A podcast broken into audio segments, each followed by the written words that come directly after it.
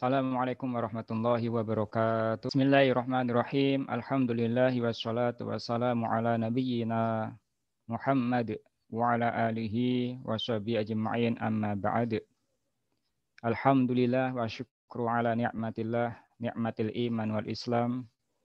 Alhamdulillah pada kesempatan sore yang cerah ini Allah masih memberikan kemudahan untuk selalu menambah pengetahuan agama Semoga niat tolabul ilmi kita semua dicatat oleh Allah SWT sebagai ibadah dan amal yang soleh. Amin.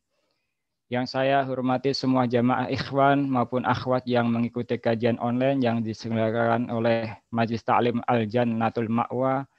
Saya sampaikan ahlan wa sahlan bihudurikum. Jazakumullahu khairan kasiro. Barakallahu fikum dan yang kita hormati bersama guru kita Al Ustadz Azhar Khalid bin Saif Hafizullah Ta'ala. Semoga selalu dalam keadaan sehat walafiat. Amin. Taib, eh, sebelum kajian kita mulai, seperti biasa saya akan sampaikan beberapa tata tertib dalam kajian sore yang berbahagia ini. Yang pertama, harap mikrofon selama kajian berlangsung. Mohon menjaga adab majelis taklim tidak menyela pembicaraan, bertanya dengan santun. Pertanyaan bisa disampaikan secara langsung di chat Zoom kurang lebih 15 menit sebelum Ustadz selesai memberikan kajian. Pertanyaan diharapkan sesuai dengan tema. Untuk jamaah agar mematikan video selama kajian berlangsung dan diharapkan tidak menggunakan gambar yang melanggar syariat ataupun foto beserta profil pikturnya. Alhamdulillah, eh, insya Allah eh, kalau guru kita sudah siap, kita niatkan pada kesempatan sore hari ini sebelum kita simak kajian dengan hati yang bersih, ikhlas karena Allah, serta selalu menjaga adab dalam majelis ilmu. Semoga ilmu yang kita terima nanti menjadi ilmu yang bermanfaat buat kita, keluarga kita, saudara-saudara kita, dan sesama.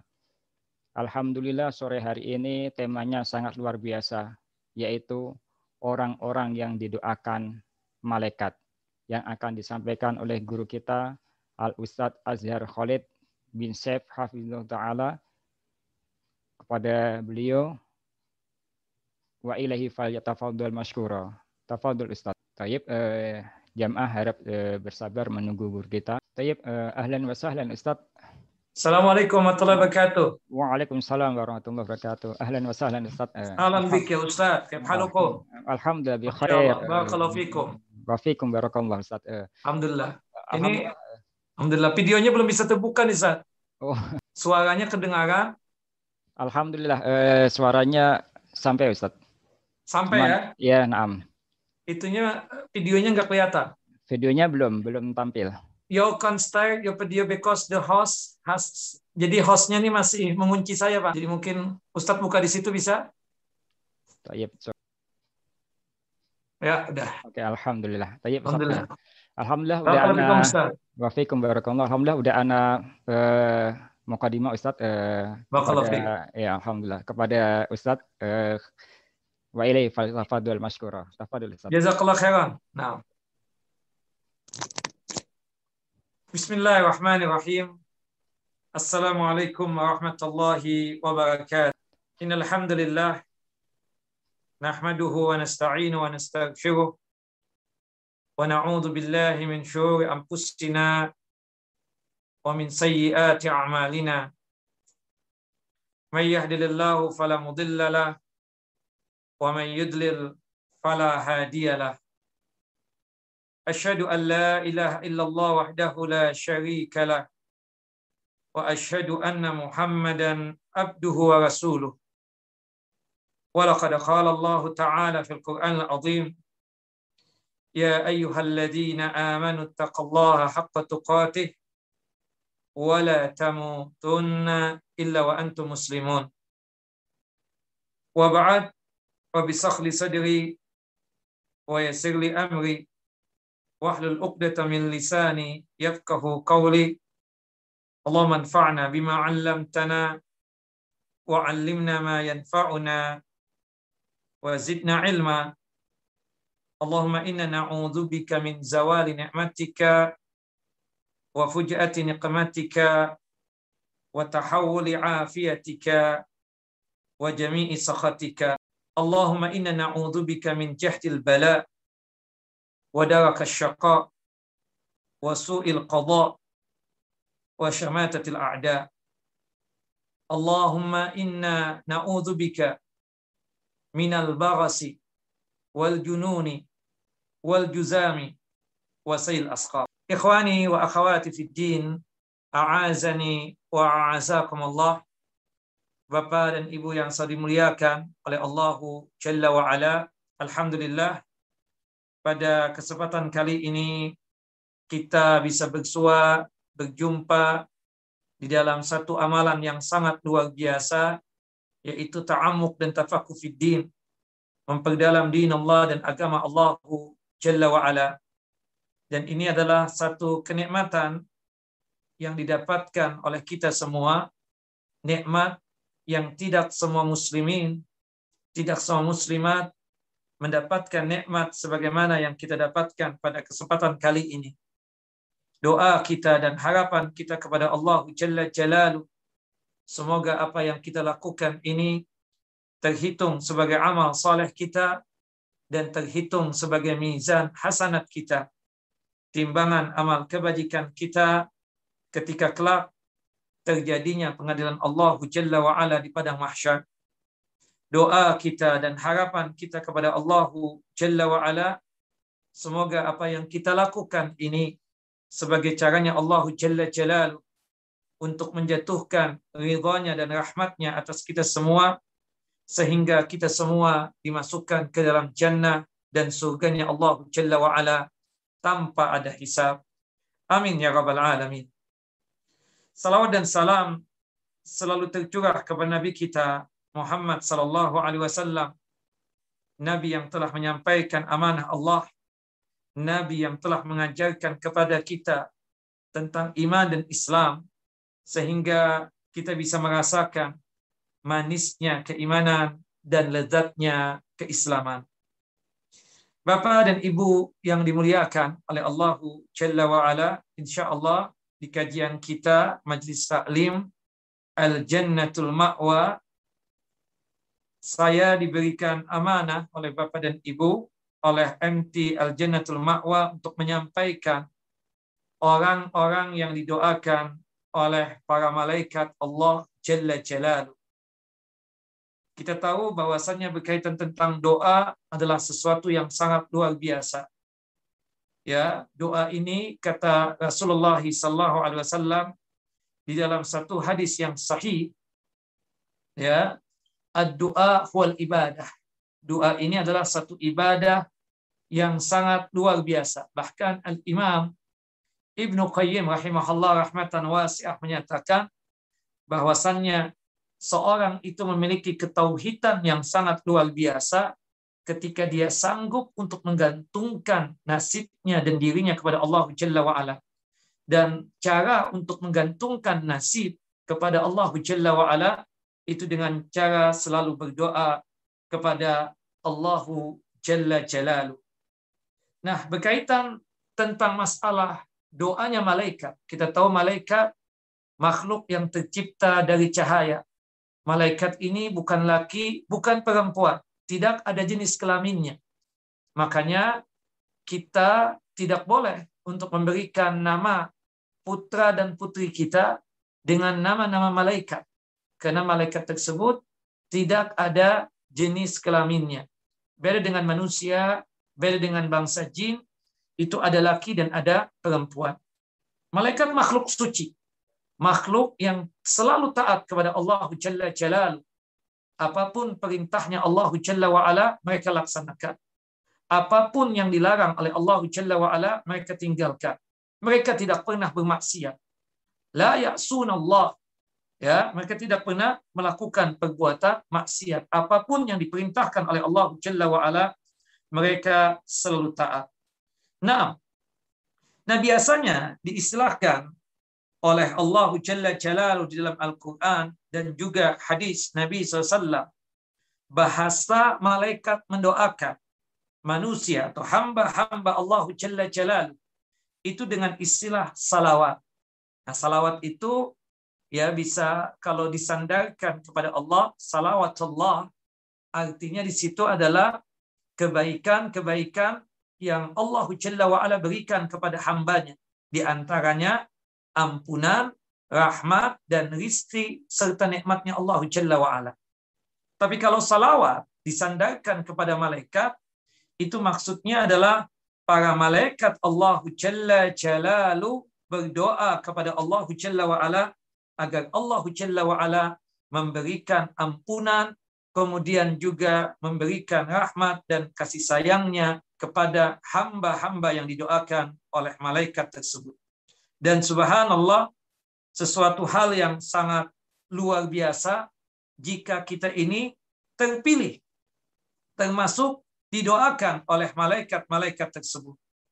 Makanya subhanallah dikatakan oleh para ulama ya ketika menjelaskan tentang salawatul malaikat, salawatnya malaikat kepada hamba-hamba Allah Jalla wa ala itu tidak lain adalah doanya malaikat kepada Allah Jalla wa ala agar Allah Jalla wa ala memberikan rahmat dan kasih sayangnya kepada hamba-hamba yang didoakan oleh malaikat tersebut. Subhanallah kalau kita melihat tentang golongan yang didoakan oleh malaikat tersebut itu ada beberapa golongan. Nah, berhubung kita katakan sekarang ini kita akan memasuki bulan yang penuh dengan keberkahan, yaitu bulan Ramadhan, yang di mana Allah Jalla wa'ala mewajibkan atas kita melaksanakan ibadah siam atau ibadah puasa. Sebagaimana yang Allah Jalla wa'ala nyatakan di dalam surah Al-Baqarah ayat 183 dan dikuatkan pada ayat 185.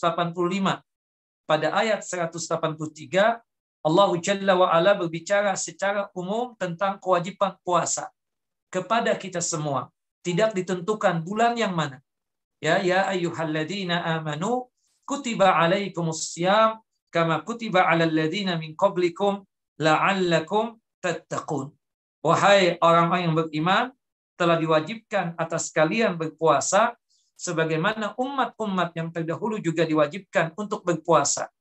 Tujuannya tidak lain ya adalah untuk menggapai ketakwaan di sisi Allah Jalla wa ala. Nah, kemudian kepastian kita berpuasa di bulan Ramadan itu ya adalah pada ayat 185-nya.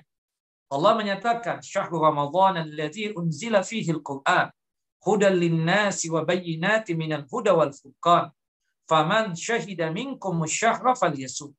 Di bulan Ramadhanlah Allah Jalla Jalaluh menurunkan Al-Quran sebagai petunjuk buat manusia dan sebagai penjelas buat manusia tersebut sekaligus sebagai Al-Furqan supaya manusia tersebut bisa membedakan antara yang hak dengan yang batil antara yang benar dan yang salah kemudian di ujungnya Allah menyatakan faman syahida minkum syahra falyasum Barang siapa yang mendapatkan bulan Ramadan, maka hendaknya dia berpuasa. Termasuk amalan yang sangat ditekankan berkaitan dengan ibadah siang, baik itu puasa wajib ataupun puasa sunnah, ya adalah bersahur. Kata Nabi kita Muhammad SAW, tasahharu fa inna fis sahuri barakatan. Bersahurlah kalian, sesungguhnya dengan sahur tersebut di dalamnya ada keberkahan. Tasahharu walau bijur minan ma'id. Bersahurlah kalian meskipun hanya sekedar meminum setegak minuman saja. Kenapa? Subhanallah, keberkahan apa yang kita dapatkan pada saat kita bersahur? Ya, ada empat keberkahan. Ada empat keberkahan. Ya, salah satu dari empat keberkahan yang kita dapatkan adalah Allah dan malaikatnya atau Allah dan para malaikatnya bersalawat kepada kita-kita yang melakukan sahur sebelum melaksanakan ibadah siam atau ibadah puasa. Kata Nabi kita Muhammad sallallahu alaihi wasallam di dalam hadis yang sahih, hadis yang dikeluarkan oleh Al-Imam At-Tabarani dan juga oleh Al-Imam Ibnu Hibban, hadis dari jalur sahabat yang mulia Abdullah Ibnu Umar bin Khattab radhiyallahu anhuma qala Rasulullah sallallahu alaihi wasallam Rasulullah sallallahu alaihi wasallam bersabda, "Innallaha wa malaikatahu yusalluna 'alal mutasahhirin." Sesungguhnya Allah dan para malaikatnya bersalawat kepada orang-orang yang bersahur. Artinya dengan kita bersahur, dua salawat kita dapatkan. Salawatnya Allah, maksud salawatnya Allah kepada kita yang bersahur, Allahu Jalla Jalalu mengampuni dosa-dosa kita yang bersahur. Sekaligus juga Allahu Jalla Jalalu memberikan rahmat dan kasih sayangnya kepada orang yang bersahur tersebut, termasuk dimudahkan dalam masalah rizki. Kemudian yang kedua, ini yang menjadi pembahasan kita, yaitu para malaikatnya Allah Jalla Jalalu bersalawat kepada kita. Kepada kita yang bersahur tersebut. Nah, sebagaimana yang saya jelaskan di mukaddimah tadi, kalau ada ungkapan salawatnya malaikat, maksudnya malaikat mendoakan kita. Apa yang didoakan oleh malaikat tersebut? Yang pertama, malaikat tersebut mendoakan kita agar kita diampuni dosa-dosanya oleh Allah Jalla Jalla. Yang kedua, malaikat mendoakan orang yang bersahur tersebut agar mendapatkan apa agar mendapatkan rahmat dan kasih sayangnya Allah Jalla Jalla. Kemudian ini berkaitan dengan khusus Ramadan. Kita tahu salah satu janjinya Allah Jalla Jalalu di bulan Ramadan ini adalah ada di antara kita yang terbebas dari siksa api neraka dan dimasukkan ke dalam jannah dan surganya Allah Jalla wa'ala. Pada saat kita bersahur, malaikatnya Allah Jalla wa'ala mendoakan kita. Selain mendoakan mendapatkan ampunan dan rahmat Allah, juga apa para malaikat tersebut mendoakan kita agar kita tersebut terbebas dari yang namanya siksa api neraka dan dimasukkan ke dalam jannah dan surganya Allahu Jalla Jalaluh. Makanya disebutkan di dalam hadis Abu Sa'id Al-Khudri radhiyallahu an, qala Rasulullah sallallahu alaihi wasallam. Rasulullah sallallahu alaihi wasallam bersabda, "As-sahuru kulluhu barakah." Sahur itu seluruhnya adalah keberkahan. Ya, keberkahan itu artinya kebaikan yang terus ditambah oleh Allah Jalla wa ala.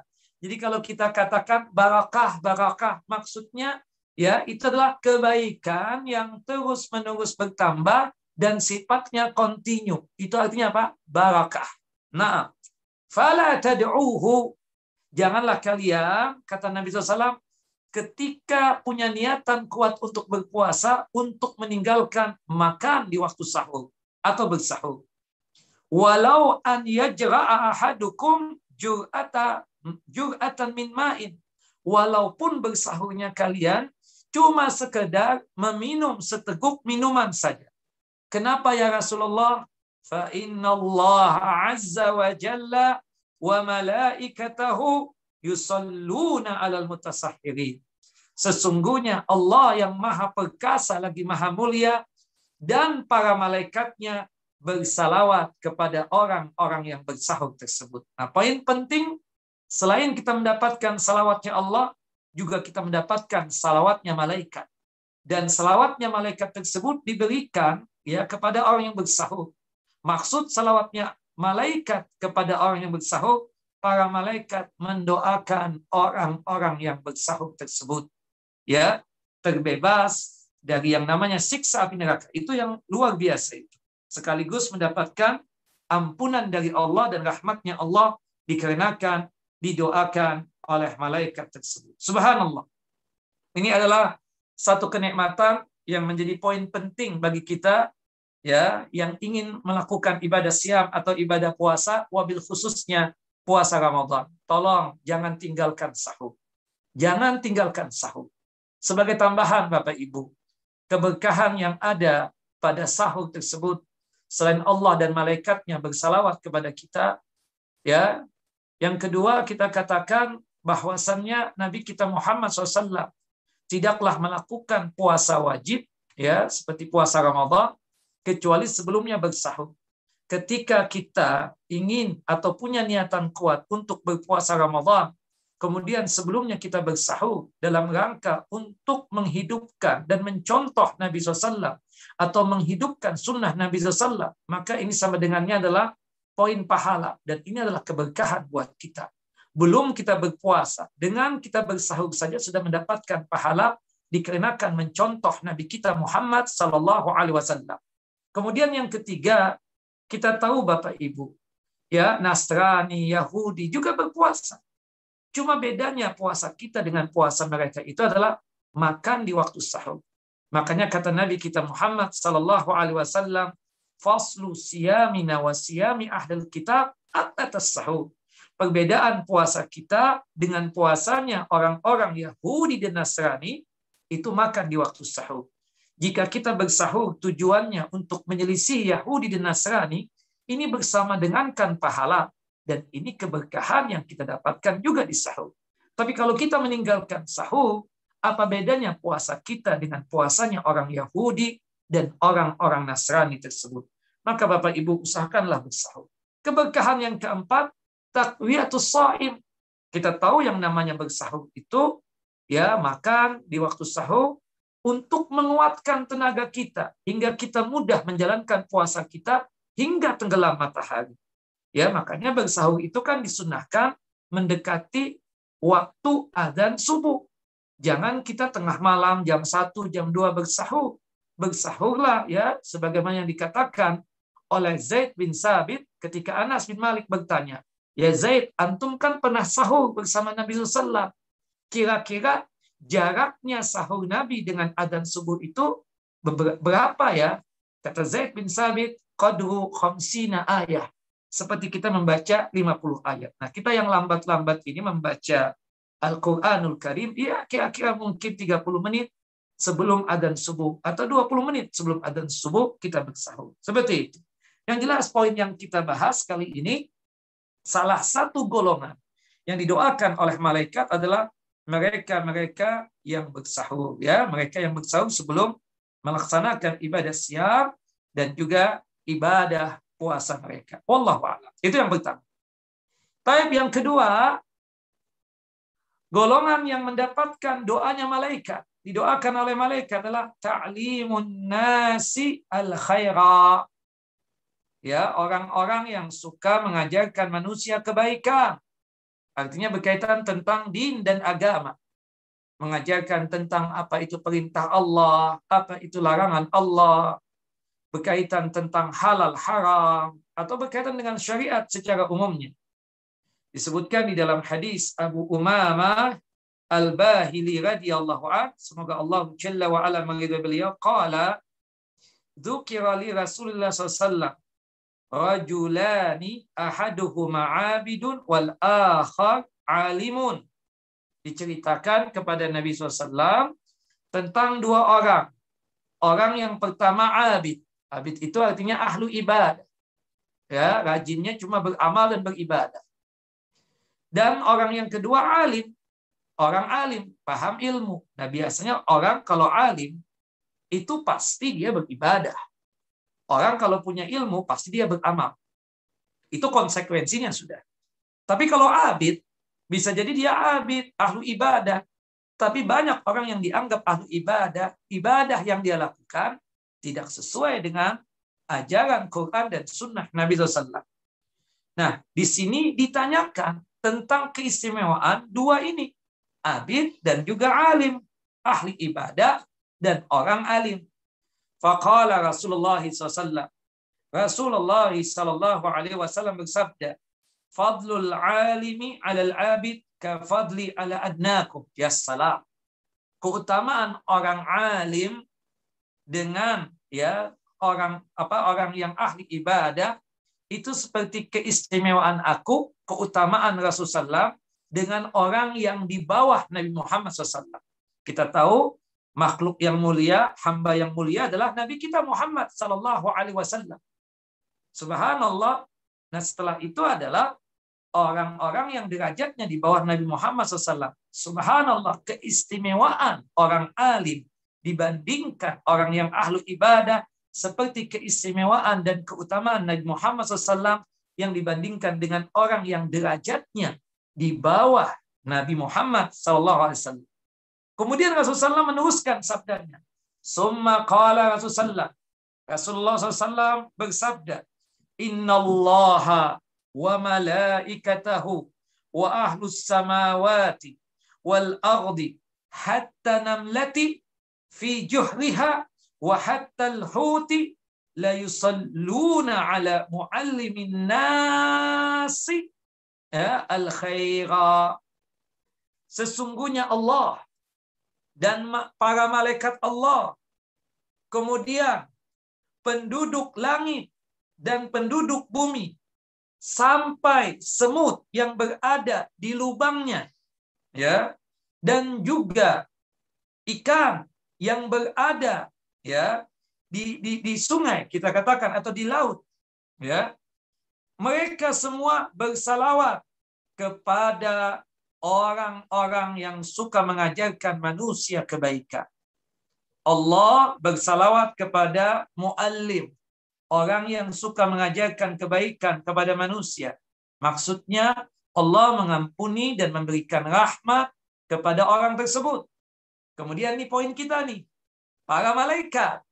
Para malaikat juga bersalawat kepada orang-orang yang suka mengajarkan din, suka mengajarkan ilmu agama, tentang halal dan haram, tentang perintah dan larangan, dan kebaikan secara umum. Di sini menunjukkan ya orang-orang yang mubalik, dai, atau siapa pun, termasuk kita sebagai orang tua, mengajarkan kebaikan kepada anak kita tentang sholat, tentang puasa, tentang baca Al-Quran, dan lain sebagainya. Itu malaikatnya Allah Jalla wa'ala mendoakan. Tidak hanya sekedar malaikat, penduduk langit, Ya, penduduk langit malaikat juga. Ya, malaikat, penduduk langit. Penduduk bumi, manusia, jin. Ya. Sam, kemudian binatang-binatang sampai semut di lubangnya itu mendoakan orang-orang yang suka memberikan kebaikan atau mengajarkan kebaikan. Ikan di air. Subhanallah. Ikut mendoakan juga. Nah maka kita bersyukurlah. Subhanallah kita yang sanggup mengajarkan kebaikan berkaitan tentang din dan agama ini. Makhluk Allah seluruhnya mendoakan. Allah ya memberikan salawat. Allah secara khusus memberikan salawat kepada mereka yang sanggup mengajarkan kebaikan.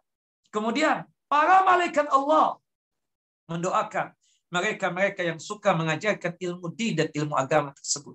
Maka syukur kita ini orang yang hari-hari mengajarkan din dan agama. Wabil khususnya kita orang tua, ayah, bunda, jangan bosan-bosan mengajarkan kebaikan kepada putra-putri kita. Kenapa? Selain kita mendapatkan manfaat dari anak dan putri apa anak laki ataupun perempuan yang kita ajarkan, mereka yang kita ajarkan kebaikan tumbuh menjadi anak yang saleh dan salehah. Sekaligus juga para malaikat Allah Jalla Jalalu selalu mendoakan kita yang suka memberikan ya pengajaran kebaikan kepada manusia tersebut. Nah, itu golongan yang kedua ya. Hadisnya sahih dikeluarkan oleh Al-Imam At-Tirmidzi dan dikatakan oleh Syekh Nasrul Albani rahimahullah rahmatan wasi'ah uh, hadisnya derajatnya adalah hasan. Artinya bisa dijadikan sebagai hujjah. Bisa dijadikan sebagai hujjah untuk kita amalkan. Wallahu a'lam. Kemudian Termasuk juga yang di mana para malaikat mendoakan hamba-hamba Allah. Yang ketiga adalah ya as-salatu ala mayamini saf. Ya, para malaikat mendoakan orang-orang yang berada di sebelah kanan bagian daripada salat. Begini ya, kalau kita membuat sop sholat itu, yang terdepan dulu kita isi. Dan pada golongan yang selanjutnya kita katakan sop yang pertama itu lebih baik daripada sop yang kedua. Sop yang kedua lebih baik daripada sop yang ketiga. Nah kemudian dalam membuat sop itu, kita tuh sejajar dengan imam. Bahasanya Rasulullah, wasatil imam. Di tengah-tengah. Maksudnya pembuatan sop itu bukan dari kanan, karena ada asumsi dengan hadis ini, Allah dan malaikatnya bersalawat kepada orang yang berada di sop bagian kanan. Bukan berarti kita membuat sop sholat tersebut dari kanan dulu. Salah. yang benar itu dari tengah-tengah yang mana segaris sejajar dengan imam. Saya imam, posisinya di tengah, ya. Kita lihat jamaah kita pada saat datang kita bilang bikin sopnya dari belakang imam ini yang sejajar dengan imam, bukan dari kanan ataupun apalagi dari kiri, kan seperti itu. Nah, kemudian yang di belakang imam satu sejajar dengan imam diisilah sop itu kanan kiri kanan kiri kanan kiri sampai full. Nggak boleh tuh sebagian orang kena menganggap yang sop kanan lebih baik, dia kanan saja yang diisi. Haram, tidak boleh demikian. Harus diisinya tuh kanan kiri kanan kiri kanan kiri sampai full. Kalau sudah full, nah yang mana yang baik? Bagian kanan. Kenapa? Karena Allah dan malaikatnya bersalawat kepada mereka yang berada di posisi sebelah kanan sop atau barisan salat. Dalilnya Ustaz, hadis sahih dari Barra bin Azib radhiyallahu an anhuma semoga Allah jalla wa ala meridai beliau qala Rasulullah sallallahu alaihi wasallam Rasulullah sallallahu alaihi wasallam bersabda Nah, Inna Allah wa malaikatahu yusalluna ala mayaminis sufu. Dan ini dikuatkan di dalam hadis Ibunda Aisyah radhiyallahu anha, hadis yang dikeluarkan oleh Al-Imam Abu Daud.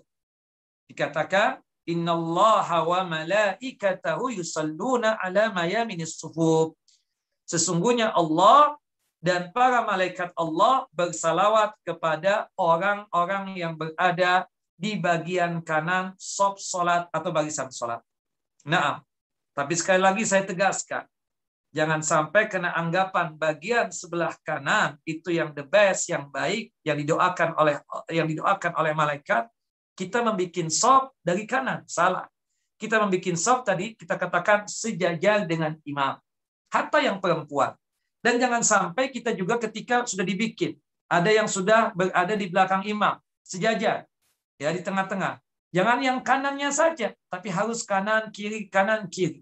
Jangan menunggu, ah anak yang kanan saja, antum yang kiri. Bukan begitu juga.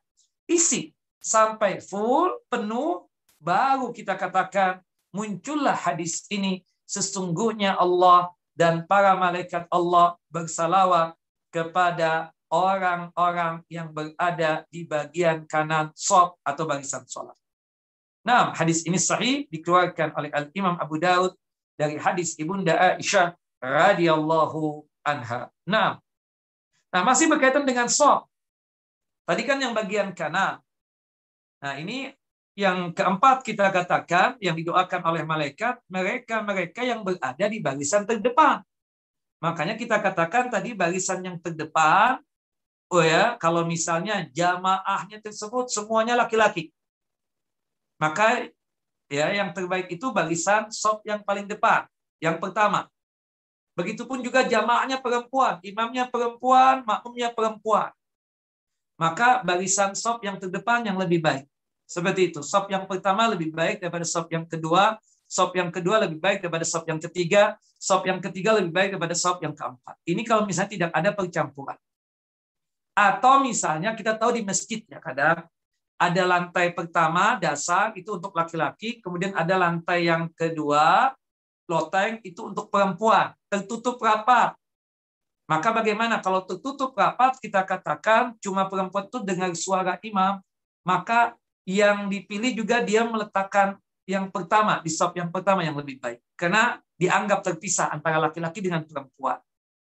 Tapi kalau sekiranya jamaahnya bercampur, ada laki ada perempuan, dan bisa saling lihat, bisa saling lihat. Kita tahu siapa yang di depan kita, kita tahu siapa yang di belakang kita.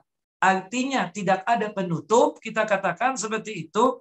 Maka untuk yang terbaik ya itu buat laki-laki sop yang terdepan. Sedangkan yang terburuk adalah sop yang terakhir. Sebaliknya untuk wanita berhubung sopnya bercampur dengan laki-laki ada laki ada perempuan dalam artian yang laki-laki di depan, perempuan di belakang, tapi bisa lihat-lihatan. Sop yang terbaik yang paling belakang untuk wanita.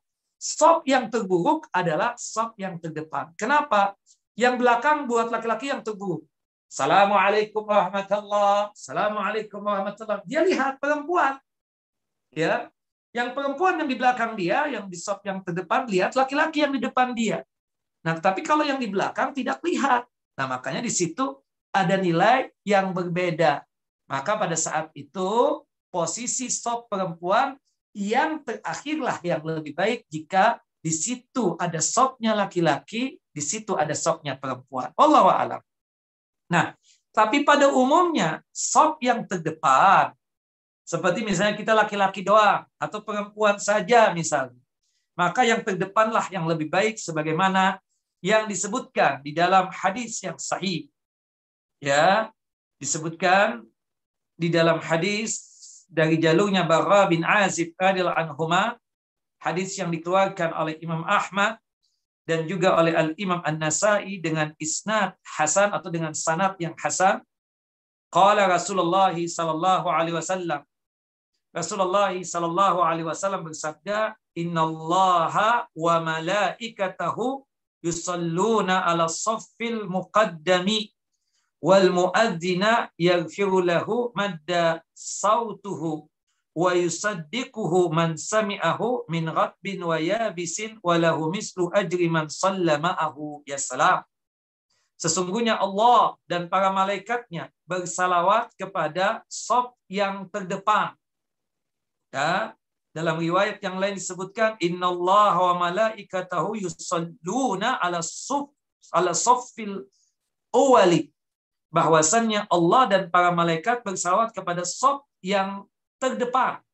Ya, maksud terdepan itu sop yang pertama ya, itu lebih baik daripada sop yang kedua, sop yang kedua lebih baik daripada sop yang seterusnya, yang ketiga misalnya seperti itu. Nah, disebutkan ya ketika ditanya oleh sahabat Ridwan Allah jema'in qalu ya Rasulullah? Ya ketika ditanya Allah wa malaikatahu yusalluna ala saffil awal sesungguhnya Allah dan malaikatnya tersebut bersalawat kepada saf yang pertama atau yang terdepan. Para sahabat bertanya ya Rasulullah wa ala sani? Bagaimana saf yang yang kedua? Qala Rasulullah Rasulullah menjawab Inna Allah wa malaikatahu yusalluna ala saffil awwal. Qalu ya Rasulullah wa ala sani. Qala wa ala sani. Ya. Bagaimana saf yang kedua? Bagaimana saf yang kedua? Rasulullah SAW menjawab, saf yang terdepan. Allah bersalawat kepada orang-orang yang selalu berada di barisan depan dan juga Allah dan juga para malaikatnya Allah Jalla wa ala mendoakan mendoakan mereka-mereka yang berada di sop yang terdepan tersebut. Nah, disebutkan di dalam hadis yang lain, hadis yang dikeluarkan oleh Imam Ahmad dengan sanad yang jayid dari hadis Nu'man bin Bashir radhiyallahu anhuma qala Rasulullah sallallahu alaihi wasallam Rasulullah sallallahu alaihi wasallam bersabda Inna Allah wa malaikatahu yusalluna ala saffil awali awis sufufil awali. Nah, ala safil awal atau sufufil awal. Nah, sesungguhnya Allah dan malaikatnya bersalawat kepada saf yang terdepan atau saf yang pertama. Dalam riwayat as-sufuful awal. Sufuf al-awal maksudnya itu saf-saf yang terdepan, saf-saf yang terdepan. Ada yang mengartikan bahwasanya saf terdepan itu saf yang pertama. Ada mengatakan kondisinya itu berkaitan dengan sop yang pertama lebih baik daripada sop yang kedua, sop yang kedua lebih baik daripada sop yang ketiga, dan seterusnya. Seperti itu yang dikatakan oleh para ulama. Yang jelas yang terdepan, sop yang pertama, di situlah para malaikat Allah Jalla Jalalu selalu mendoakan orang-orang yang berada di sop yang pertama. Ada tambahan ilmu di sini berkaitan dengan sabda Nabi, ya bahwasannya muadzin pun wal muadzin para muadzin pun juga Allah bersalawat ya dan para malaikat mendoakan. Kemudian diampuni dosa si muadzin tersebut sejauh suaranya ya dan yang di mana orang yang mendengar suara tersebut membenarkan. Baik itu dari makhluk Allah yang basah ataupun makhluk Allah yang kering dan dia mendapatkan pahala si muadzin ini mendapatkan pahala sebagaimana orang yang sholat bersama dia. Subhanallah. Jadi muadzin luar biasa ya. Pahalanya besar. 12 tahun jadi muadzin jaminan surga. Jaminan surga. Ini adalah satu kenikmatan yang luar biasa. Apalagi lebih daripada itu. Kalau yang lebih daripada itu jelas ya, yang 12 tahun sudah dapat artinya lebih tentu lebih dapat lagi kita katakan seperti itu. Nah, intinya dari pembahasan kita ini bahwasannya orang-orang yang selalu berada di barisan yang terdepan, khususnya sop yang pertama, para malaikat Allah Jalla Jalaluh selalu mendoakan mereka. Ini keempat. Kemudian ini masih berkaitan dengan sop juga ini. Ini yang kelima. Yang suka mengisi sop yang kosong. Nah, makanya kita ini jangan malas-malas. Bapak-bapak terutama. Mengisi sop yang kosong. Kalau ada sop yang kosong di depan kita, langsung diisi. Kenapa? Karena Allah dan para malaikatnya subhanallah bersalawat kepada kita yang suka mengisi sop yang kosong atau barisan salat yang kosong. Dalilnya Ustaz, hadis sahih yang dikeluarkan oleh Imam Ahmad dan juga oleh Al-Imam Ibnu Majah serta oleh Al-Imam Ibnu Khuzaimah dan juga oleh Al-Imam Ibnu Hibban dan hadis ini disahihkan oleh Al-Imam Hakim dari hadis Ibunda Aisyah radhiyallahu anha dan dikatakan oleh para ulama ini hadis sahih menurut syarat atau kriteria Imam Muslim dan juga hadis ini dikeluarkan oleh Al-Imam Ibnu Majah dan dikatakan oleh Syekh Nasruddin Albani rahimahullah rahmatan wasi'ah hadza hadisun hasanun sahih.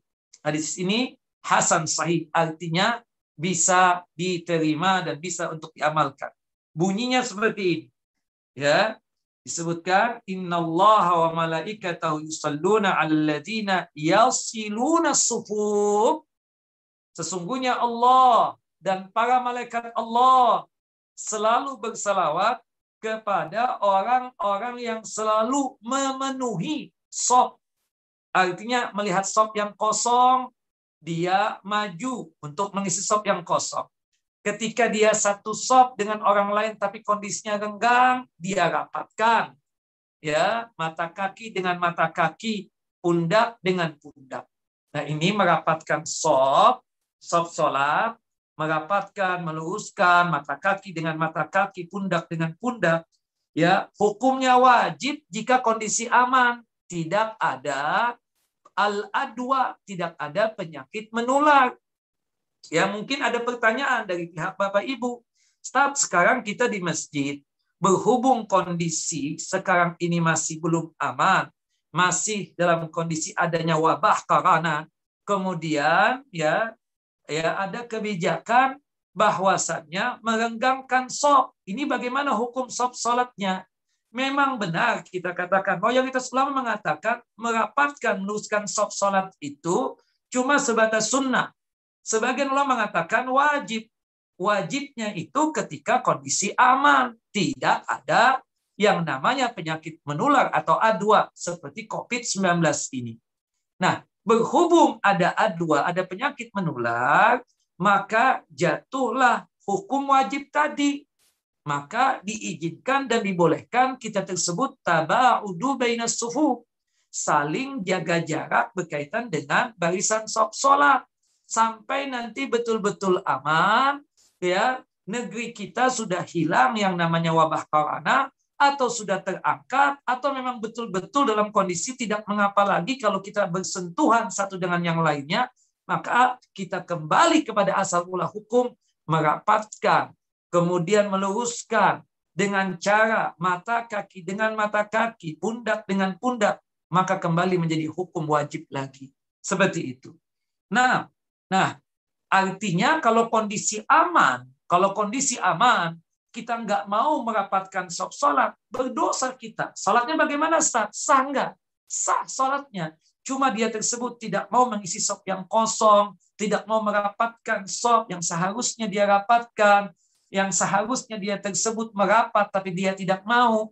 Padahal tidak ada pandemi, padahal tidak ada wabah corona, padahal tidak ada virus COVID-19 lagi, tapi dia tetap seperti itu, nah itu berbahaya terhadap dirinya dia telah mendapatkan dosa, tapi sholatnya tetap sah. Sholatnya tetap sah. Nah, orang yang suka merapatkan sop sholat tersebut, itu didoakan oleh para malaikat, malaikat Allahu Jalla Jalal. Dan itu juga yang disebutkan di dalam hadis Bara bin Azib radhiyallahu an bahwasannya wa kana yaqulu bahwasanya Rasulullah mengatakan innallaha wa malaikatahu ya yusalluna 'alal ladzina yasiluna as-sufufa al-awwal na'am sesungguhnya Allah dan para malaikatnya bersalawat kepada orang-orang yang suka mengisi atau merapatkan sop-sop yang di depan dia. Kita lihat di depan kita ada sop yang kosong, kita isi. Ya, seperti itu. Kemudian kita satu sop, kita ingin merap, apa kondisinya renggang, kita rapatkan. Sekali lagi, ini wajib jika kondisinya aman. Tidak ada yang namanya penyakit menular lagi seperti virus COVID-19 ini.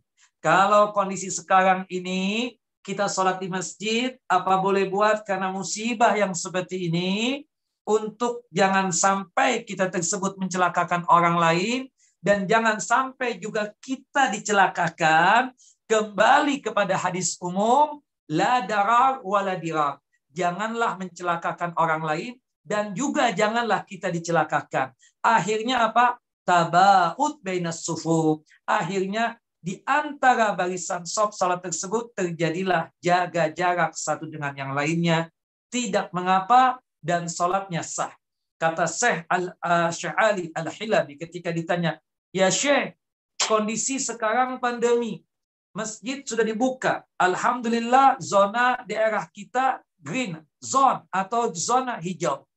Alhamdulillah dibuka, diizinkan oleh hukum atau oleh pemerintah. Cuma masih dalam kondisi menjalankan protokol kesehatan. Salah satu protokol kesehatan tersebut di barisan sholat jaga jarak. Jaga jarak satu dengan yang lainnya. Tidak rapat. Gimana? Apakah sholat di rumah dengan anak istri dengan sop yang rapat ataukah sholat di masjid buat kita yang laki-laki ini? Kata Syekh, idhab ila masjid.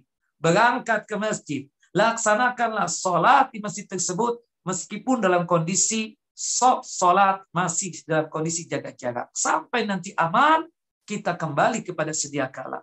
Ya, dan kalau misalnya sok sudah rapat, ya sudah sudah saling mengisi satu dengan yang lainnya, kita katakan berkaitan dengan sop-sop sholat tadi, maka Allah dan para malaikatnya bersalawat kepada kita. Malaikat ya mendoakan kita agar Allah mengampuni dosa-dosa kita dan agar Allah memberikan rahmat kepada kita yang suka mengisi sop yang kosong dan suka merapatkan sop yang renggang. Wallahu a'lam. Nah, itu yang kelima. Yang keenam masih berkaitan dengan salat, intidharus salati fil musalla, menunggu salat. Misalnya begini. Kita sekarang asar. Kita berada di masjid. Kita nggak keluar dari masjid. Sampai datang maghrib. Nah, selama kita menunggu sholat maghrib tadi, itu para malaikat selalu mendoakan kita itu. Selalu mendoakan kita. Sampai dia keluar dari masjid, baru malaikat itu selesai mendoakan kita. Dalilnya Ustaz, hadis sahih. Dari hadis Abu Hurairah radhiyallahu an, hadis yang dikeluarkan oleh Imam Hakim Imam Baihaqi dan juga Al-Imam Abu Daud. Hadis yang disahihkan oleh Syekh Nasir Al-Albani rahimahullah rahmatan wasi. Konteks hadisnya berbunyi seperti ini.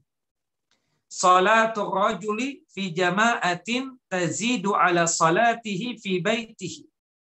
Salatnya seseorang berjamaah itu dilipat gandakan pahalanya dibandingkan dia salat sendirian di rumahnya sendirian salat di rumah ada pahalanya. Satu sekaligus kata Syekh Islam Taimiyah dia berdosa dikenakan meninggalkan salat berjamaah di masjid. Laki-laki ya bukan wanita.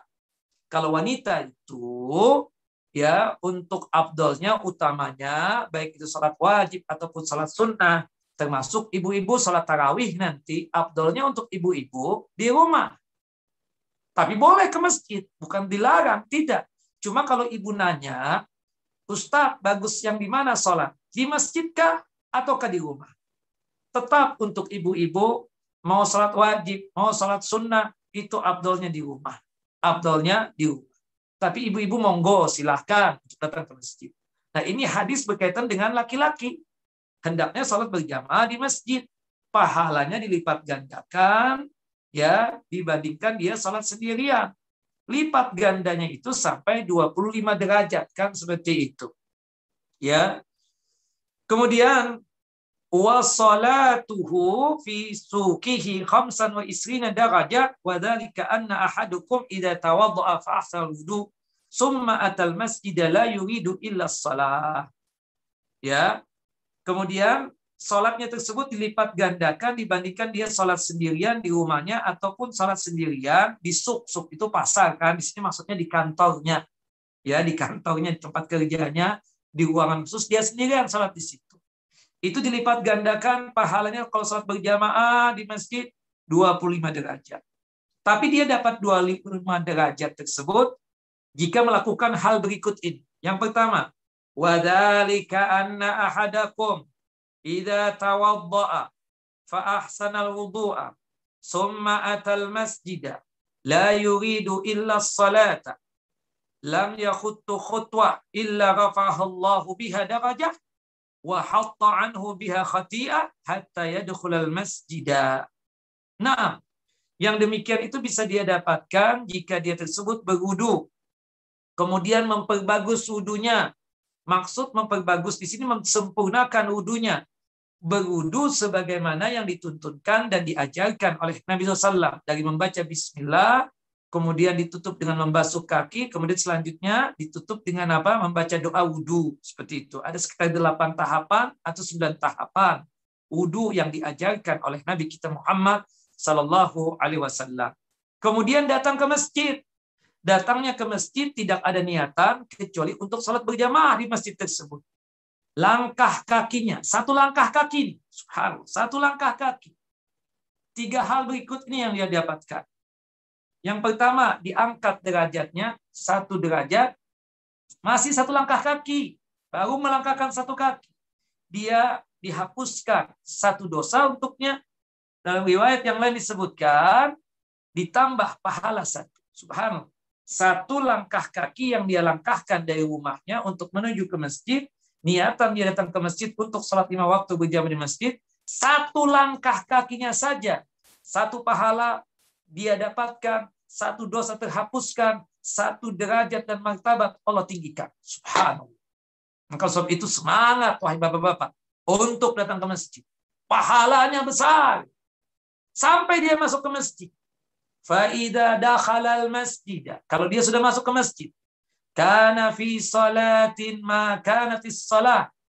Tahbisuhu wa tusallil malaikatu alaihi. Ma dama fi majlisihi alladhi yusalli fihi. Dia masuk ke masjid. Dia melaksanakan salat. Masih di dalam salatnya tersebut. Salatnya tersebut mencegah dia keluar. Maksudnya dia mau menanti salat yang selanjutnya atau salat wajib yang selanjutnya, itu malaikat mendoakan dia selama dia tersebut masih berada di tempat dia sholat. Ada yang mengartikan dia sholat di mana? Oh, di apa di tempat ini misal. Ada tempat dari barisan sholat, wajib di situ dia duduk di situ, dia sholat di situ. Dia sholat lima waktu di situ. Sebagian ulama mengartikan letak maksudnya nggak nggak berpindah-pindah. Kemudian ada pertanyaan, Ustadz, bukankah kita kalau misalnya habis sholat wajib diperintahkan untuk melaksanakan ba'diyah. Dan kalau melaksanakan ba'diyah itu, bukankah kita dianjurkan untuk berbidah tempat? Benar. Makanya ada sekelompok ulama, bahkan ini mayoritas ulama mengatakan, nggak mesti harus berada di tempat dia sholat wajib. Dia masih berada di masjid. Di mana pun keadaan dia, mau di bagian ya kiri masjid, kanan masjid, depan masjid, atau belakang masjid, selama dia tersebut masih di masjid, itu para malaikat mendoakan dia. Doanya berbunyi seperti ini. Yaquluna Allahumma gfir lahu, Allahumma arhamhu, Allahumma tub alaihi. Ya, ya Allah, ampunlah dosa-dosa dia. Ya Allah, berikanlah rahmat untuk dia yang menunggu salat yang selanjutnya. Ya Allah, terimalah ya berikanlah taubat untuknya, berikanlah taubat untuknya. Terus dia tersebut terus didoakan selama dia tersebut tidak berhadas. Artinya kalau hadas batal dia ngambil air wudhu keluar dari masjid berhenti malaikat untuk mendoakan dia. Wallahu a'lam Nah, Ini kita katakan yang keenam. Nah, yang ketujuh. Ya, selesai kita masalah salat ini. Yang ketujuh itu iyadatul marid. Membesuk orang yang sakit. Membesuk orang yang sakit. Sunnah muakkada membesuk orang yang sakit. Tapi orang yang sakit yang penyakitnya tidak menular. Kalau penyakitnya menular seperti COVID-19, ya kita menjaga diri. Jangan sampai kita ketika membesuk orang sakit, pulang dari membesuk orang sakit, kita jadi celaka. Tidak boleh. Kembalikan kepada hadis umum, la darar wala dirar. Janganlah mencelakakan orang dan juga janganlah kita dicelakakan. Ya, kata Nabi, onta yang sakit tidak boleh bergabung dengan onta yang sehat. Itu binatang, apalagi manusia. Nah, kecuali yang sakit ini penyakitnya tidak menular. Ya, misalnya sakit apa? Sakit diabetes. Itu kan tidak menular, kita katakan. Seperti itu. Kita datang, pegang-pegang tangannya, mendoakan dia, ya atau pegang jidatnya. Enggak menular. Ada keluarga, setruk. Setruk kan enggak menular penyakitnya. Datang, kita besuk deh. Seperti itu. Nah, selama kita sunnah muakkadah untuk ya membesuk dia. Dan itu yang dicontohkan oleh Nabi. Pahalanya besar.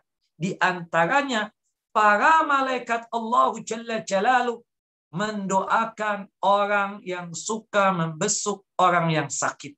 Sekali lagi ibu-ibu bapak-bapak, catatannya orang yang kita besuk tersebut penyakitnya tidak menular. Kalau kita tahu penyakitnya menular, jangan membesuk. Ya, seperti COVID-19 ini. Nah, kata Nabi SAW di dalam hadis sahih hadis yang dikeluarkan oleh Imam Hakim dan juga oleh Al Imam Ibnu Hibban ya dan hadis ini juga dikeluarkan oleh Al Imam At-Tirmidzi kata Syekh Nasruddin Albani ini hadis derajatnya sahih. Ya bisa dilihat dalam kitab Sahihut Targhib wa Tarhib jilid yang ketiga halaman 197 Qala Rasulullah sallallahu alaihi wasallam. Rasulullah sallallahu alaihi wasallam bersabda ma min muslim ya'udu musliman illa yab'asuhu Allah ilaihi sab'ina alfa malakin yusalluna alaihi fi ayyi sa'atin nahar hatta yumsiya wa fi ayyi sa'atil lail hatta yusbiha ya salam tidaklah seorang muslim berkunjung atau membesuk seorang muslim yang lainnya. Ada mengatakan sekedar berkunjung. Dalam hadis yang lain disebutkan jika dia sakit itu secara khusus. Maka apa yang terjadi ketika kita membesuk orang yang sakit? Allahu Jalla Jalalu mengutus 70 ribu malaikat untuk mendoakan orang yang membesuk tersebut. Kalau dia membesuknya di siang hari atau di pagi hari lah, maka malaikat tersebut mendoakan dari pagi sampai datang sore hari atau petang hari. Jika dia membesuknya di sore hari, maka malaikat tersebut mendoakan dia sampai datang pagi hari. Atau membesuknya di malam hari, maka malaikat tersebut mendoakannya sampai datang pagi hari. Ini 70 ribu malaikat, subhanallah fadilah keutamaan ya. Artinya keutamaan besok orang yang sakit bahkan jaminannya surga. Jaminannya apa? Surga. Wanada munadin. Ya. Manzara akhon fillah au maridan. Barang siapa yang berkunjung kepada saudaranya karena Allah atau membesuk orang yang sakit, muslim yang dia besuk. Nadahu munadin. Ada yang memanggil. Ya, itu malaikat Allah. Tip ta wa toba mamsaka fil jannah. Hei, engkau yang suka membesuk orang yang sakit, engkau orang baik, Masya Allah. Dan Allah Jalla Jalalu menempatkan engkau di tempat yang khusus di surga. Ya salam, ya salam, ya. Membesuk orang yang sakit, pahalanya besar. Tapi sekali lagi catatannya ibu-ibu, bapak-bapak, kita membesuk orang yang sakit, yang di mana sakitnya tersebut tidak menular. Tapi kalau kita dapatkan ada orang yang sakit, muslim dia, bahkan mungkin kerabat kita. Tapi berhubung penyakitnya menular, kita minta maaf. Cara membesuknya dengan lewat telepon saja atau lewat video call. Kita telepon seperti itu, video call saja. Karena kita nggak bisa langsung datang ke tempat dia, karena maaf-maaf penyakitnya tersebut adalah menular. Tapi kalau misalnya penyakitnya tidak menular, kita datang kepada dia, kita besuk dia. Seperti itu yang dicontohkan oleh Nabi Shallallahu Alaihi Wasallam. Allah Itu yang ketujuh. Yang kedelapan yang didoakan oleh malaikat adalah yang suka bersalawat kepada Nabi SAW. Allahumma salli ala Muhammad wa ala ali Muhammad kama sallaita ala Ibrahim wa ala ali Ibrahim innaka Hamidun Majid. Allahumma barik ala Muhammad wa ala ali Muhammad kama barakta ala Ibrahim wa ala ali Ibrahim innaka Hamidun Majid. Nah, yang suka bersalawat kepada Nabi SAW, maka dipastikan para malaikat mendoakan orang tersebut. Ya, subhanallah, didoakan oleh malaikat tersebut. Nah, disebutkan oleh Al-Imam Abu Aliyah rahimahullah rahmatan wasi'ah. Salatul malaika alaihi ya. Inna Allah wa malaikatahu yusalluna ala nabi. Nah, itu kan Allah dan para malaikatnya bersalawat kepada Nabi Muhammad SAW. Nah, kemudian kita disuruh untuk bersalawat kepada Nabi SAW. Allahumma salli ala Muhammad. Ya ayyuhalladzina amanu sallu alaihi wa sallimu taslima. Nah, kita-kita yang suka bersalawat kepada Nabi SAW, maka para malaikat mendoakan kita. Para malaikat apa? Mendoakan kita. Nah, ini penting buat kita untuk melakukan ya delapan hal ini. Yang jelas ya disebutkan di dalam satu riwayat dari Imam Ahmad bin Hambal dalam kitab musnadnya ya berkaitan tentang orang yang suka berselawat kepada Rasulullah disebutkan di dalam hadis Amir bin Rabi'ah bi isnadin hasan dengan sanad yang hasan anna Rasulullah sallallahu alaihi wasallam qala bahwasanya Rasulullah sallallahu alaihi wasallam bersabda ma min abdin yusalli alayya illa sallat alaihi malaikatu ma dama yusalli alayya falyakul abdu min dzalika aw liyukthir. Naam. Barang siapa tidaklah seorang hamba, tidaklah seorang hamba bersalawat kepadaku kepada Nabi kita Muhammad SAW kecuali malaikat bersalawat kepadanya. Maksudnya malaikat mendoakan itu hamba. Terus dia bersalawat kepadaku, maka malaikat itu terus juga mendoakan itu orang atau itu hamba. Maka hendaknya ya al-abdu min dzalika aw Hendaknya hamba itu bersalawat secara sedikit atau ya secara banyak. Tentunya yang dianjurkan secara banyak. Bahkan ini hari Jumat. Ya, ada tiga amalan penting kita katakan di hari Jumat ini. Salah satunya adalah apa? Bersalawat kepada Nabi Sallallahu Alaihi Wasallam. Nah, Adapun kita katakan habis asar sampai menjelang nanti tenggelam matahari, kita memperbanyak doa. Termasuk juga bersalawat kepada Nabi SAW. Allahumma salli ala Muhammad wa ala ali Muhammad. Ya. Kama sallaita ala Ibrahim wa ala ali Ibrahim innaka hamidun majid. Dan seterusnya. Nah, bersalawatlah kita kepada Nabi Muhammad SAW, maka niscaya para malaikat akan bersalawat kepada kita semua atau mendoakan kita. Nah ini delapan poin ya yang di mana ya malaikat mendoakan hamba-hamba Allahu Jalla wa'ala. Saya rasa sudah jam ya 16.42 tadi saya lihat running tag bahwasannya dibuka sesi pertanyaan pukul 16 lewat 30 menit.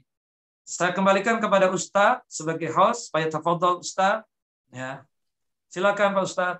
Baik, Ustaz, uh, syukran jazakallahu khairan kasiran. Uh, alhamdulillah barakallahu fikum. Uh, Taib Ustaz, alhamdulillah ini ada beberapa pertanyaan. Uh, soal awal pertanyaan pertama. Uh, nah. Ustaz, uh, Anda mau bertanya, kalau sudah terlanjur memberi nama anak dengan nama malaikat seperti Mikael atau Ridwan apa harus diganti ya Ustadz? Syukron, jazakallah khairan. Iya, Mikail itu nama malaikat. Jibril nama malaikat. Sedangkan Ridwan bukan. Itu sifat yang Allah Jalla wa'ala berikan kepada malaikat penjaga surga. Mereka itu diridha oleh Allah Jalla wa'ala. Ya, tidak ada keterangan secara hadis yang sahih menjelaskan nama penjaga surga itu malaikatnya bernama Ridwan. Gak ada. Kalau penjaga neraka ada, namanya Malik kita katakan. Nah, tapi nama Malik ini kan bisa populer juga kita katakan dengan arti bahasa Arab secara sesungguhnya. Bisa Malik itu diartikan raja atau Malik itu yang memiliki. Seperti itu. Nah, nah kita kembali kepada nama orang anggaplah sudah memberikan nama Jibril atau Mikael. Bagaimana hukumnya? Mayoritas ulama mengatakan hukumnya makruh. Makruh itu lebih bagus ditinggalkan. Kalau melakukan dosa enggak? Ya sudah terjadi. Ya lebih bagus ditinggalkan. Artinya kalau melakukan tentu tidak ada dosa. Kenapa Ustadz kok terlarang? Kok ulama bilang makruh? Ya, makruh itu lebih bagus ditinggalkan. Sekali lagi, meninggalkan dapat pahala, mengerjakan tidak dosa. Karena malaikat itu tidak ada jenis kelaminnya. Malaikat itu apa? Tidak ada jenis kelaminnya. Bukan laki, bukan perempuan. Jadi ya nama-nama menamakan anak kita tersebut jangan sampai nama ya nama malaikat. Tapi kalau sudah terlanjur ya sudahlah kita katakan. Toh juga ulama tahapannya enggak sampai hukum haram. Hukumnya tersebut sebagai apa? Makruh. Makruh itu menurut para fuqaha atau ahli fikih ditinggalkan dapat pahala, meninggalkan tidak dosa apalagi sudah jadi KTP ya kan, sudah ada di rapot dia dan lain sebagainya, sudahlah kita katakan tidak perlu untuk diganti lagi. Wallahu a'lam bishawab. Nah, Baik Ustaz, eh, alhamdulillah eh, as-soal eh, pertanyaan kedua eh, yakni eh, Afan Ustaz eh, tadi Ustaz menyampaikan eh, malaikat mendoakan kebaikan kepada orang-orang yang berbuat baik di 8 poin tersebut. Eh, selain kebaikan, apakah malaikat mendoakan keburukan Ustaz? Siapa orang-orang yang mendapatkan doa buruk dari malaikat? Syukron. Iya. Subhanallah di antaranya disebutkan di dalam Al-Qur'anul Karim dalam surah Al-Baqarah itu. Ya, mereka yang orang-orang kafir, subhanallah doakan didoakan keburukan, mendapatkan laknat Allah, laknat malaikat dan laknat makhluk seterusnya. Termasuk orang-orang yang suka menyembunyikan ilmu, ilmu din, ilmu agama. Seharusnya dia menjawab, dia tidak mau jawab. Beda kalau kekhawatiran dia mungkin dia akan mendapatkan celaka. Atau dia mempending ilmu. Kita tahu yang nanya kita ini, hakul yakin. Misalnya nanya hukum satu persoalan. Kita lihat nih orang belum siap. Kita pending, nanti bu, pembahasan itu nanti. Itu beda. Tapi ini dia betul-betul menyembunyikan ilmu tersebut. Maka itu juga termasuk yang dikutuk oleh malaikat. Seperti itu ya termasuk yang dikutuk oleh malaikat termasuk para pendusta juga dikutuk oleh malaikat ya dan banyak lagi yang lainnya ya nanti mungkin Ustaz kita buka eh, apa pengajian yang selanjutnya ini kan yang didoakan siapa saja hamba-hamba yang dikutuk dan dilaknat oleh para malaikat will become insyaallah. Taib. Barakallahu fikum ya Ustaz. Nah. Alhamdulillah eh, kita menunggu yang mau bertanya langsung, tapi ini ada pertanyaan eh, tertulis. Eh, saya bacakan soal yang ketiga, Ustadz. Soal salis.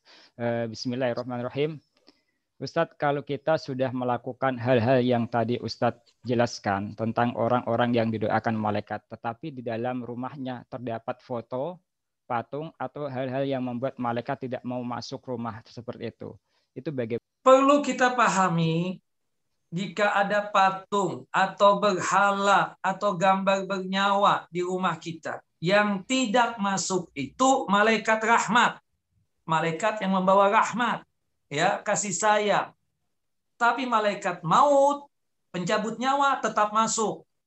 Malaikat eh, apa kita katakan yang membawa adab siksa tetap masuk. Jadi jangan sampai ada pemahaman ada sebagian orang nih supaya panjang umur gimana? Dia pasang foto-foto kita tanya ini haram, nggak boleh ini. Malaikat nggak masuk. Itulah start. Makanya anak pasang foto supaya anak panjang umur, nggak dicabut-cabut nah, nyawa kita. Nah ini pemahaman yang salah kita katakan ya. Jadi yang tidak masuk itu adalah malaikat yang membawa rahmatnya Allah Jalla Jalaluh atau yang membawakan rasa kasih sayang, ketentraman di rumah tangga tersebut seperti itu. Nah jadi eh, berkaitan tentang masalah itu ya foto-foto nggak boleh dipajang itu foto dua ya yang disebut dengan gambar bernyawa. Yang dianggap gambar bernyawa itu cuma dua. Pertama manusia, yang kedua binatang. Ya, gambar kuda kita pasang, ya, atau foto perkawinan dipajang segede-gedenya. Itu malaikat rahmat apa? Tidak masuk seperti itu. Termasuk juga pepatungan yang kecil, binatang angsa, binatang apa misalnya, ya apalah, ya. Termasuk juga yang memelihara anjing juga malaikat rahmat tidak masuk kan seperti itu. Malaikat rahmat tidak masuk. Bahkan yang memelihara anjing itu pahalanya setiap hari dikurangi. Dalam riwayat Bukhari dua kira. Dalam riwayat Bukhari satu kira. Dalam riwayat Imam Muslim dua kira. Seperti itu.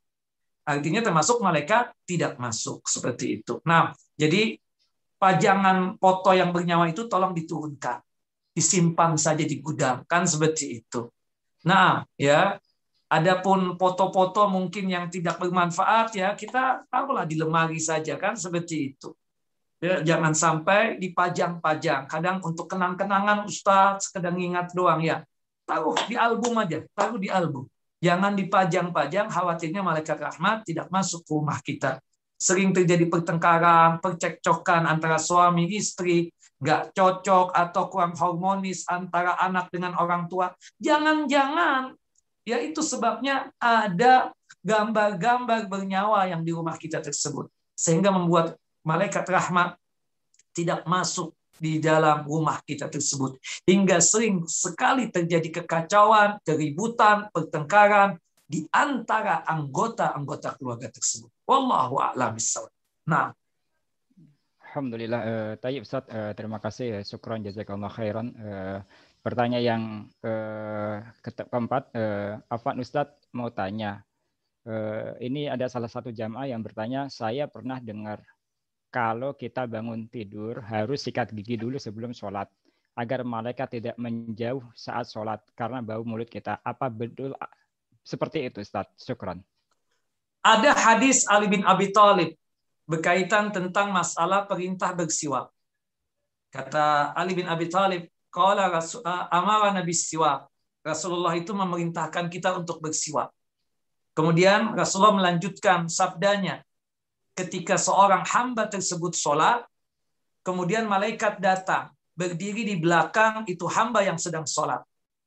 Kemudian dia tersebut yadnu, mendekati hamba yang sedang sholat. Wayastami, mendengar lantunan bacaan Al-Quran yang dilantunkan oleh hamba yang sholat tersebut. Kemudian mazala yadnu wa yastami. Terus tuh malaikat itu mendekat dan mendekat dan mendengar lantunan suara sampai mulutnya malaikat berhadapan dengan mulutnya orang yang sholat tersebut. Tidaklah satu ayat yang keluar dari mulut hamba yang sholat tersebut kecuali tepat di keluarnya di mulut malaikat tersebut.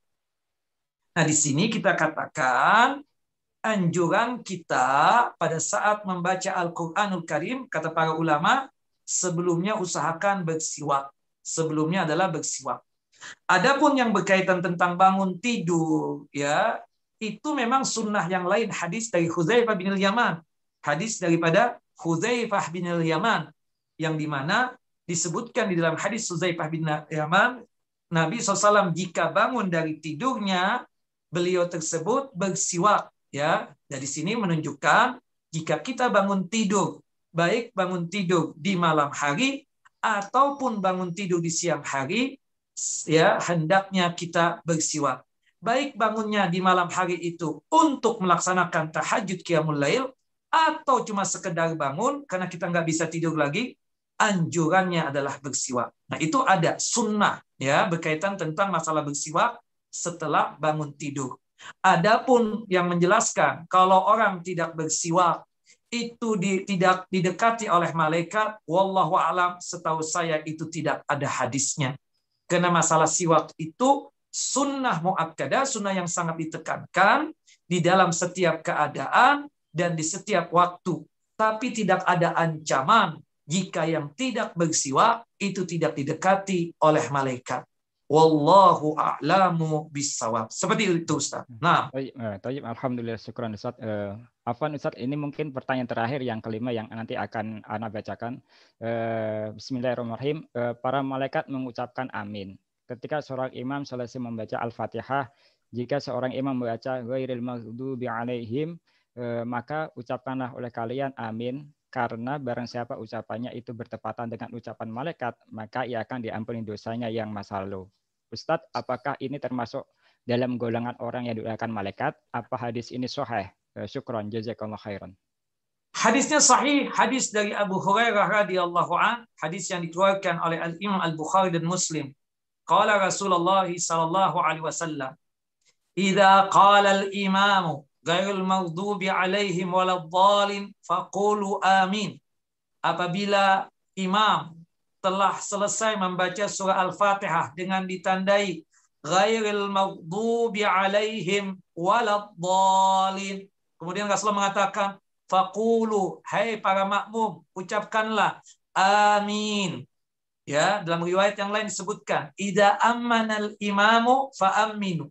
Apabila imam mengucapkan amin, maka ucapkanlah amin oleh kalian. Kenapa? Fa in wafaqa ta'minuhu ta'minal malaikah ghufira lahu ma taqaddama min dzambi. Apabila aminnya tersebut bersamaan dengan aminnya malaikat, maka dosa-dosanya diampuni oleh Allah Jalla Jalal. Nah, di sini berkaitan tentang doanya kita karena kita tahu di dalam surah Al-Fatihah tersebut ada doa Kata Allah Jalla wa ala qasamtu salah nisfain. Aku membagi salat. Maksudnya salat di sini adalah surah Al-Fatihah. Karena kata Al-Imam Al-Qurtubi rahimahullah rahmatan wasi'ah, penamaan surah Al-Fatihah tersebut namanya saja ada sekitar 14 nama. 14 nama. Salah satunya nama surah Al-Fatihah tersebut adalah as-salah, surah as-salah. Karena ada kaitannya ini surah dengan ibadah salat. Kalau kita tidak membaca surah Al-Fatihah di dalam salat kita, baik itu salat wajib ataupun salat sunnah, maka salat kita tidak sah. Nah, kemudian Allah mengatakan dalam hadis kutsinya, qasamtu shalah nisfaini. Aku telah membagi salat atau surah Al-Fatihah dua bagian, ya. Singkatnya, ihdinas siratal mustaqim, ya, disebutkan Alhamdulillahirabbil alamin arrahmanir rahim maliki. Nah, itu adalah untuk Allah Jalla Jalal. Ya, Allah mengatakan hambaku telah memujiku. Nah, kemudian masuk kepada sedangkan untuk hambaku wali abdi ihdinas siratal mustaqim siratal ladzina an'amta alaihim ghairil maghdubi alaihim waladdallin. Ya Allah, antarkanlah kami ke jalan yang lurus. Ya, Islam di atas Quran dan Sunnah. Islam sesuai dengan ajaran Quran dan Sunnah. Ya, siratal ladzina an'amta alaihim, yaitu jalannya orang-orang yang engkau kasih nikmat ya Allah.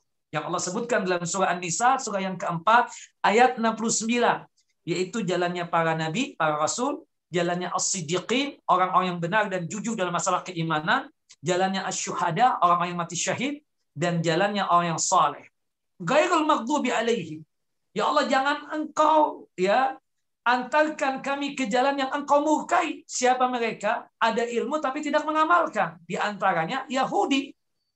Tahu Rasulullah tapi tidak mengimani. Jangan antarkan ke jalannya si Yahudi. Waladhalin. Dan jangan antarkan kami ke jalannya orang yang sesat. Yaitu Nasrani yaitu mereka rajin beramal, rajin beribadah, tapi sayang tidak di atas ilmu. Nah, subhanallah. Orang yang berilmu tidak beramal, itu seperti Yahudi. Orang yang rajin beramal tapi tidak didasari ilmu, itu seperti Nasrani. Nah, kemudian kita amin. Malaikat pun juga ikut mengaminkan. Poinnya di sini kita katakan, karena dalam soal Fatihah tersebut ada doa, maka kita mengaminkan. Dan malaikat mengaminkan tersebut itu intinya tidak lain ya ibarat kata pendukungan, tidak secara khusus mendoakan kita. Karena yang berdoa tersebut kita yang baca Al-Fatihah ini, itu yang berdoa. Kita katakan itu yang berdoa, bukan malaikatnya yang berdoa. Malaikat cuma ikut serta mengaminkan. Seperti saya bilang sama Ustadz, Ustadz, semoga Allah Jalla Jalalu memanjangkan umur kita dalam ketaatan, kepada Allah Jalla wa sehingga kita bisa berjumpa dengan bulan Ramadan. Kemudian Ustaz bilang apa? Amin. Kan seperti itu. Bukan Ustaz yang mendoakan, tapi ya saya yang berdoa ya kita yang mengaminkan dan Ustadz juga mengaminkan karena mendengar doa kita tersebut. Nah di situ tidaklah malaikat yang berdoa, tapi yang berdoa itu adalah yang membaca surah Al-Fatihah tersebut seperti itu. Termasuk imam. Imam yang membaca surah Al-Fatihah itu kita aminkan doanya malaikat. Dalam hadis yang lain disebutkan ya, "Idza qultum amin yujibukumullah." Jika kalian mengucapkan amin, maka doa yang kalian mohonkan di surah Al-Fatihah tersebut diijabah dan dikabulkan oleh Allahu Jalla wa ala. Jadi saya garis bawahi ini bukan malaikat yang berdoa. Kita katakan ini yang membaca Al-Fatihah siapa? Imam tadi itu, ya. Kita sebagai makmum mengaminkan. Malaikat ternyata ikut serta mengaminkan. Wallahu a'lam bisa. Tapi catatannya ya, ucapan amin ini bukan Al-Fatihah, bukan bagian daripada surah Al-Fatihah. Dan kita mengucapkan amin setelah selesai membaca Al-Fatihah itu khusus di sholat saja. Tidak di luar sholat. Di luar sholat nggak boleh. Kita misalnya baca Al-Quran. Kebetulan sudah khatam. Kita mulai dari Al-Fatihah. Baca Al-Fatihah sampai ayat yang terakhir, ayat yang ketujuh. Jangan sebelum lanjut surah Al-Baqarah kita bilang amin. Padahal bukan dalam sholat. Nggak boleh seperti itu. Mengucapkan amin setelah selesai membaca Al-Fatihah itu cuma ada di dalam ibadah sholat saja, baik sholat wajib ataupun sholat sunnah. Wallahu a'lamu bissawab. Fadal ya Ustaz. Barakallahu fiik.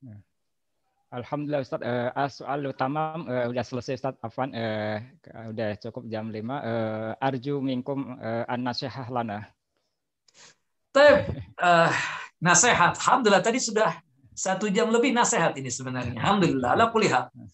Intinya kita ya di bulan di akhir atau di penghujung Sya'ban ini untuk melatih diri ya ibarat kata warming up ya exercise latihan-latihan berbagai macam ibadah kita melihat Rasulullah SAW itu untuk berpuasa sunnah paling banyak di bulan apa di bulan Sya'ban ada pertanyaan yang penting ini kenapa Ustadz kok nggak di bulan suci ya seperti bulan Rajab atau bulan Muharram ya atau bulan Julhijjah atau Julqa'dah. Kenapa? Kok Rasulullah paling banyak berpuasa itu di bulan Sya'ban? Sebagaimana disebutkan di dalam dua hadis.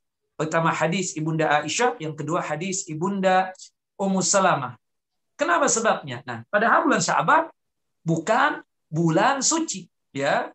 Seperti empat bulan yang sudah saya sebutkan tadi. Nah, ternyata dikatakan oleh para ulama Selain itu amalan sunnah yang biasa dilakukan oleh Nabi kita Muhammad SAW, sekaligus juga itu sebagai warming up, pemanasan. Ibarat kita mau main sepak bola ini, kalau kita langsung terjun nih Ustadz, apalagi kita yang sudah tua-tua ini umur lewat 40 tahun, itu kayaknya bengek tuh untuk lagi-lagi. Nah, supaya jangan bengek-bengek kita pada waktu main bola tersebut, kita gerak-gerak badan dulu, tangan digerakkan, kaki digerakkan, dan lain sebagainya seperti itu. Baru kita terjun untuk main bola. Ya kan seperti itu. Nah sama. Sebentar lagi Ramadan. Cobalah warming up pemanasannya. Puasa mungkin sebentar lagi ya. Jangan sampai dua hari sebelum Ramadan tolong berhenti puasa sunnahnya. Dua, dua hari sebelum Ramadan berhenti. Sebagaimana disebutkan dalam hadis Abu Hurairah, hadis yang dikeluarkan oleh Imam Bukhari dan Muslim. Nah, kita coba latihan yang lain, misalnya tahajud dan witir. Tahajud itu nggak mesti sepertiga malam yang terakhir, jam 2 sampai jam subuh. Setelah Ba'diyah Isya, cobalah tahajud. Dengan hitungan yang kecil dulu. Tiga rakaat. Dua tahajud, satu witir. Nah sekarang juga apalagi baca Al-Quran. Mulai sekarang, mulai terus. Kita ini orang yang harus terbiasa baca Al-Quran setiap hari. Kalau bisa kita baca WhatsApp di setiap hari, masa baca Al-Quran nggak bisa. Masuk Ramadan, tingkatkan lagi bacaan Al-Qurannya. Sedekah juga mulai sudah bersedekah. Mulai sedekah. Nanti Ramadan tambah selamat lagi sedekah. Jadi ketika kita sudah memulai dengan warming up, warming up tadi pemanasan-pemanasan tentang ibadah-ibadah tadi ringan-ringan nanti masuk Ramadan, di situlah kita bisa tancap betul ibadah dan amalan. Mudah-mudahan kita bisa melakukan itu semua. Doa kami, doa kita semua. Semoga Allah Jalla Jalaluh menganugerahkan kita umur yang panjang di dalam ketaatan kepada Allah Jalla wa'ala hingga kita bisa berjumpa dengan bulan yang penuh dengan keberkahan yaitu bulan Ramadan. Allah sallimna ila Ramadan wa sallim lana Ramadan mutaqabbalan. Allahumma sallimna ila Ramadan wa sallim lana Ramadan wa taqabbalahu minna mutaqabbalan. Ya Allah, antarkanlah kami untuk berjumpa dengan bulan Ramadan. Jumpakan kami ya Allah dengan bulan Ramadan. Ya Allah, jika kami berjumpa dengan bulan Ramadan, terimalah amal yang kami lakukan selama Ramadan tersebut. Naam. Wa taqallabahu minna mutaqabbalan. Naam, wallahu a'lam. Mudah-mudahan kita sehat walafiat selalu, terhindar dari berbagai macam eh, musibah, bencana, kesusahan dan kesulitan dan semoga Allah Jalla Jalaluh menjaga kita selalu. Walafu minkum ini kira yang bisa disampaikan pada kesempatan kali ini. Salah dan khilafnya mohon dimaafkan. Wassalamualaikum Nabi Muhammad wa Muhammad kama sallaita ala Ibrahim wa Ibrahim innaka Hamid Majid. Fadhal ya Ustaz. Baik, uh, Ustaz, uh, Alhamdulillah, syukron kasiran Ustaz. Uh, terima kasih banyak Ustaz. Uh, Jazakallah khairan kasiran. Semoga ilmu yang Ustaz sampaikan kepada uh, kita semua, semoga menjadi ilmu yang bermanfaat buat kita dan semoga kebaikan Ustaz dibalas oleh Allah Subhanahu wa taala dengan pahala yang berlipat ganda. Amin Allahumma amin. Jazakallahu ahsanal jaza uh, dan terima kasih juga saya sampaikan ke seluruh jamaah kajian yang mengikuti kajian pada sore hari ini semoga selalu mengamalkan amalan yang pernah kita terima uh, menjadi ilmu yang bermanfaat. Saya sampaikan uh, jazakumullah khairan kasiran uh, barakallahu fikum jami'an. Afan kalau ada kata-kata yang kurang tepat dalam penyampaian mohon dimaafkan. Mari kita tutup kajian sore hari ini dengan kafatul majlis subhanakallahumma wa bihamdika asyhadu an la ilaha illa anta astaghfiruka wa atubu ilaik wallahu a'lam bishawab wassalamualaikum warahmatullahi wabarakatuh syukran Ustaz Afwan. Assalamualaikum warahmatullahi